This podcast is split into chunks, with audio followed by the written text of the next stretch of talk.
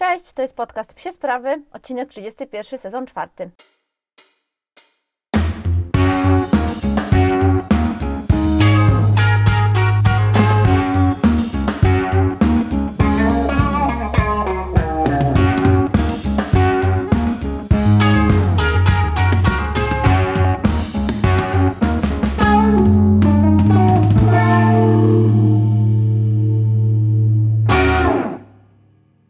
Dzisiaj mamy odcinek specjalny. Specjalny z kilku względów. E, Zacznę od tego, że po pierwsze, Oziaczek macie siódme urodziny, e, więc wszystkiego najlepszego Oziaczku. E, Życzę Ci dużo zdrówka i dużo szczęścia, e, samych e, piłeczek, zabaweczek, e, smaczków i w ogóle wszystkiego, czego dusza psia zapragnie. Po drugie, dzisiejszy odcinek myślę, że zdążycie przesłuchać, e, krojąc, no nie wiem, maksymalnie dwa jajka na sałatkę albo lepiąc 10 pierogów, bo będzie bardzo krótki. No i po trzecie, nie mam dzisiaj żadnych notatek, absolutnie żadnych. Uznałam, że idę na żywioł, przygotuję odcinek taki trochę świąteczny, ale trochę nie. Zobaczę, jak Wam się spodoba. To będzie po prostu luźna pogadanka, dlatego w tym tygodniu nie robiłam e, sądy, jaki odcinek chcecie usłyszeć. Chciałam, żeby to była taka krótka, szybka rozrywka y, przed Wigilią, przed tym świątecznym mm, siedzeniem przy stole, albo nie przy stole, zależy jak spędzacie Wigilię. No, jak zwykle zacznę od tego, co tam u nas słychać, więc my y, mamy teraz przerwę, jeśli chodzi o y, składy. Te pieski nie trenują, natomiast młode pieski trenują jak najbardziej i to trenują bardzo ostro, bardzo intensywnie, y, bo rzeczywiście przez to, że jest mniej psów, to mają trochę więcej wejść i trochę więcej robią. Mamy debiuty, mamy psy, które już robią całe tory. Często pytacie o Lemiego, jak mu idzie flyball, więc odpowiadam. Lemi pewnie w przyszłym tygodniu już będzie robił cały tor, natomiast to dla mnie nie jest priorytet. Dla mnie priorytetem jest to, żeby on się e, przede wszystkim dobrze czuł na torze, żeby on się świetnie bawił, ale też żeby się skupiał i umiał współpracować przy innych psach, bo to jest chyba taki punkt, nad którym najwięcej pracujemy, więc ja jestem z niego nie wiem, potrójnie dumna e, przez to, że coraz lepiej sobie z tym radzi. I ostatnio, e, już nie będę Wam opowiadała meandrów flybola i naszych ćwiczeń, ale ostatnio dałam mu po prostu takie dosyć trudne zadanie, takie, e, które pamiętam, że szłam po niego do klatki i tak sobie mówiłam, że no przygotuj się, że to się nie uda, przygotuj się, że to będzie dla niego trudne i że okej, najwyżej obniżymy kryteria, będziemy robić tak, żeby było ok. No i mnie bardzo zaskoczył, bo zrobił wszystko super. Chyba muszę bardziej wierzyć w te psy i muszę dać im trochę więcej zaufania i, i więcej takiego wsparcia w takich sytuacjach, kiedy rzeczywiście myślę, że będzie im bardzo trudno i że poniosą porażkę, a one mi po raz kolejny pokazują, że że dają radę, że to jest dla nich po prostu kolejne wyzwanie, z którym sobie radzą. Więc to taka nauczka dzisiaj dla. Poza tym chciałabym Was bardzo serdecznie zaprosić, jeśli jeszcze nie widzieliście mojego ogłoszenia, na webinar o WIPETach.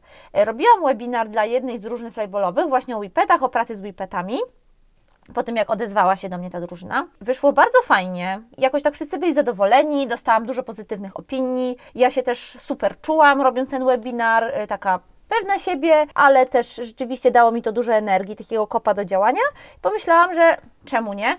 Przecież możemy taki webinar zrobić też dla użytkowników y, po prostu Instagrama, Facebooka, dla, dla wszystkich, którzy będą chcieli go obejrzeć właśnie jako webinar. Na początku chciałam, e, że rzeczywiście, e, żeby, żeby on mógł być dostępny dla wielu, wielu osób, żeby nie był jakiś tam, jakimś tam ogromnym kosztem, więc myślę, że ta cena, która teraz obowiązuje, czyli 39 zł, to jest, no w Warszawie to pizza już tyle nawet nie kosztuje, moi drodzy, więc mam nadzieję, że jest to dla Was przystępna cena, mam nadzieję, że jesteście zainteresowani. Więcej o tym webinarze będę mówiła na storiesach i na Facebooku, więc tam znajdziecie informacje. Powiem tylko króciutko dla tych, którzy słuchają podcastu. Jest to webinar o pracy z bipetami i z hartami, z miksami hartów. Z racji, że są to specyficzne rasy do pracy przy sportach, to jest tam dużo przemycanej wiedzy takiej motywacyjnej, ale też behawioralnej, skąd pochodzi ta rasa, jak z nią pracować, jak nagradzać i tak dalej. Będą ćwiczenia praktyczne, będą filmiki, będzie można zadawać pytania. Webinar odbędzie się 30 grudnia o 19, natomiast jeśli wykupicie dostęp, to później będziecie mogli dostać jego nagranie. Od razu już powiem, do webinaru będą gratisy, takich, którzy, których nie dostaną inni, inne osoby, więc mam nadzieję, że Wam się spodobają. Zapraszam do zapisów. Formularz e, znajdziecie na wydarzeniu na Facebooku lub na Instagramie w storiesach. A teraz przechodzimy do głównego tematu dzisiejszego odcinka i to jest temat bardzo luźny. Myślę, że zajmie nam dosłownie chwilę. Ja chciałabym go tylko poruszyć, chciałabym troszeczkę się tutaj po prostu uzewnętrznić i to jest temat o tym, że najlepszy prezent dla Twojego psa to no właśnie, i mam tutaj trzy propozycje y, prezentów, natomiast zdziwi Was to, że nie są to w ogóle rzeczy materialne. Są to trzy, hmm, trzy rzeczy, tak, ale niematerialne, które możemy naszemu psu zapewnić i są one najlepszym prezentem dla naszego psiaka. I pierwsze to jest zrozumienie. Mm, zrozumienie to jest coś, co nabywamy z czasem, co nabywamy z wzrostem naszej wiedzy, naszych umiejętności, naszego, naszej też wrażliwości na, to, na tę drugą istotę.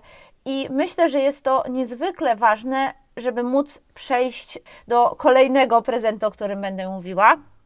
Natomiast to zrozumienie to jest rzeczywiście taka, y, taka forma współpracy z psem, taka forma naszego życia z psem, w której widzimy jego wady, widzimy jego zalety i potrafimy z nimi żyć, z nimi pracować i je przede wszystkim akceptować.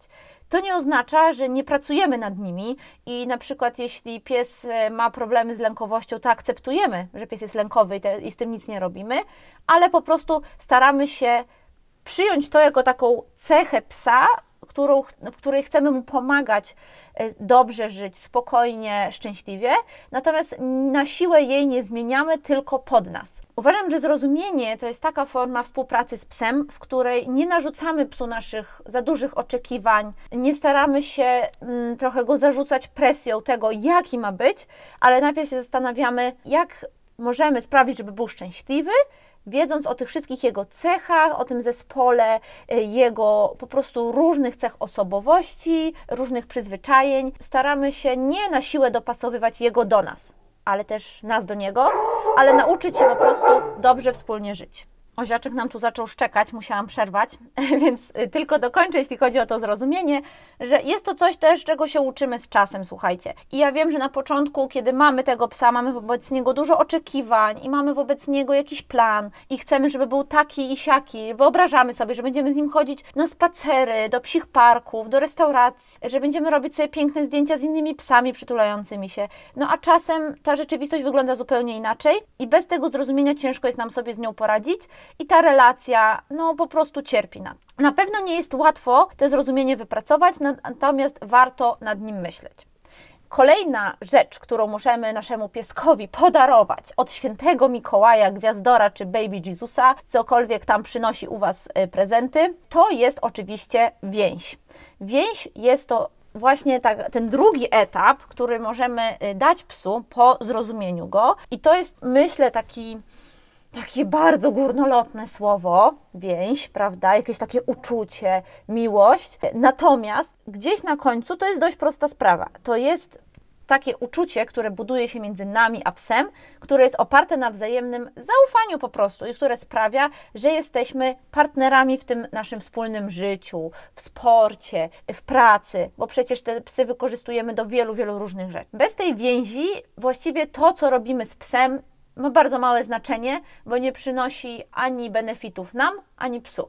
Bo pies, jeśli nie robi czegoś z nami, tak wiecie, już mówię tak bardziej psychologicznie, prawda? Jeśli nie robi czegoś z nami, tylko po prostu robi gdzieś obok nas. I tak samo jak my, jeśli żyjemy gdzieś tam, a ten, i tego psa tylko wyprowadzamy po to, żeby, nie wiem, się wysikał, nie, nie czerpiemy sami przyjemności ze spędzania czasu z nim, no to takie smutne jest to życie z psem. Po co mieć takiego psa? Ja zawsze się zastanawiam, po co takim ludziom, którzy na przykład cały spacer spędzają na słuchawkach, pies no bo wychodzą z tym psem, oczywiście on ma się wysikać, załatwić i tak dalej, gdzieś tam się socjalizować, ale czy nie warto z tym psem trochę pobyć na tym spacerze? Trzeba pobyć, nie wiem, z muzyką, ze znajomymi na telefonie czy w pracy? No, wydaje mi się, że nie. Oczywiście ta więź to też jest coś, co buduje się z czasem i oczywiście też jest tak, że czasem się buduje od pierwszego wejrzenia, prawda? Tak jak i z ludźmi. Natomiast w większości przypadków trzeba nad nią pracować, trzeba ją po prostu, słuchajcie, no pielęgnować. Trzeba o nią dbać każdego dnia.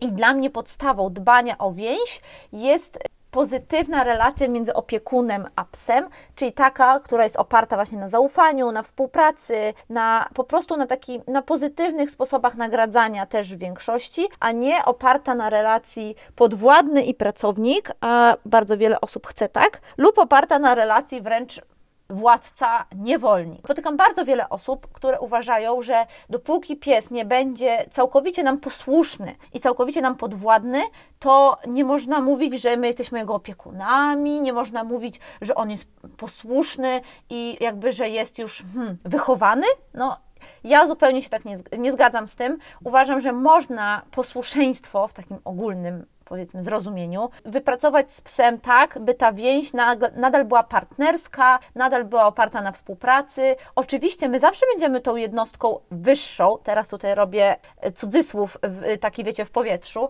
będziemy tą jednostką wyższą, no bo karmimy, trenujemy, my decydujemy o losie tego zwierzęcia, natomiast postarajmy się w tym wszystkim nie zatracić się w tym naszym trzej władczości, nie zatracić się w tym, jak bardzo my tego psa możemy kontrolować, a na ile powinniśmy mu pozwalać żyć po prostu jego trochę może nie własnym życiem, ale takim kontrolowanym przez nas, ale bardzo szczęśliwym.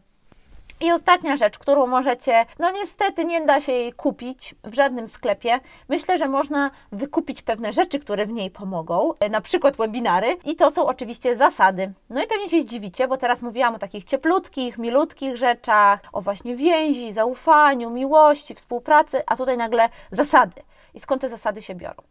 Zasady biorą się stąd, że pies jest jednostką, która niestety nie powie nam, co myśli. Jest jednostką, która niestety nie, nie wyda swojej opinii na jakiś temat, więc ciężko nam się z nim dogadać, że tak powiem, zdroworozsądkowo, prawda? Tak jak z innym człowiekiem.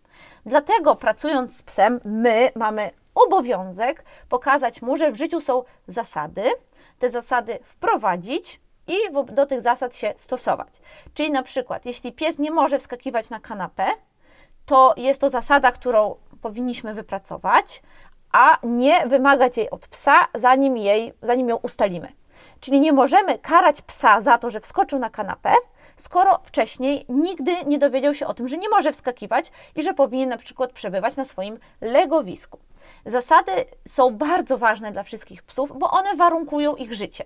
I jeśli my już za te życie wzięliśmy odpowiedzialność, mamy tego psa, chcemy go trenować, albo po prostu chcemy go wyprowadzać na to siku i nawet w tych okropnych słuchawkach i po prostu żyć z nim jako takim no, partnerem gdzieś tam w tym mieszkaniu, albo po prostu nawet nie warunkujemy jakoś tej relacji, no mamy tego psa i już, to jesteśmy temu psu winni, właśnie jak psu budę, to jesteśmy mu winni zasady i jesteśmy mu winni to, że my mu wytłumaczymy świat, powiemy, jak ten świat funkcjonuje, powiemy też, jak my chcemy, żeby nasz wspólny świat funkcjonował, a potem będziemy tego wymagać. Dlatego bardzo mnie wkurza, y, jak ludzie to już właśnie pies podbiega, sławny case, jak ludzie z taką złością, z takim wkurzeniem wołają swoje psy, odwołują na przykład od moich psów, gdzie widzę, że ten pies nie ma wypracowanego w żaden sposób przywołania, co więcej przybiega do tego właściciela, czyli wreszcie wykonuje to, co powinien według tych zasad, które jak widać ten właściciel od niego wymaga. Na przykład dostaje opieprz zamiast nagrody za to, że wykonał zadanie,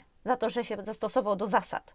Więc jest to dla mnie niezbyt fajne, żeby patrzeć na to, bo sobie myślę, że kurczę, wystarczyłoby pokazać temu psu kilka zasad, wystarczyłoby nad tym popracować i ta cała frustracja, ta zła energia, to, co się wokół tej relacji między tym opiekunem a tym psem dzieje, nie musiałoby mieć miejsca.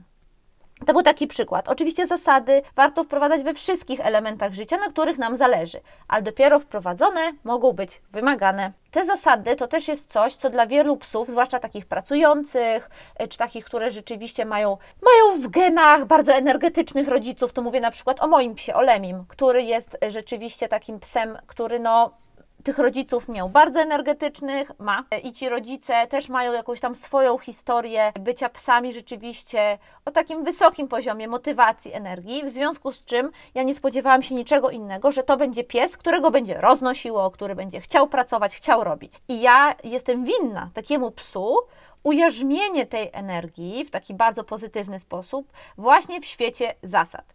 I pamiętam, jak właśnie Lemi był mały, to jego hodowczyni Kaśka mi tak powiedziała, że pamiętaj, że to, to będą psy, cały ten miod, które będą lubiły jasną komunikację, jasne zasady i to, żeby on miał powiedziane jasno, co on ma robić i uwierz mi, on to wtedy zrobi. No i dokładnie tak było. Dobrze, chciałabym zakończyć y, ten odcinek i zaraz sprawdzę, ile on tu ma.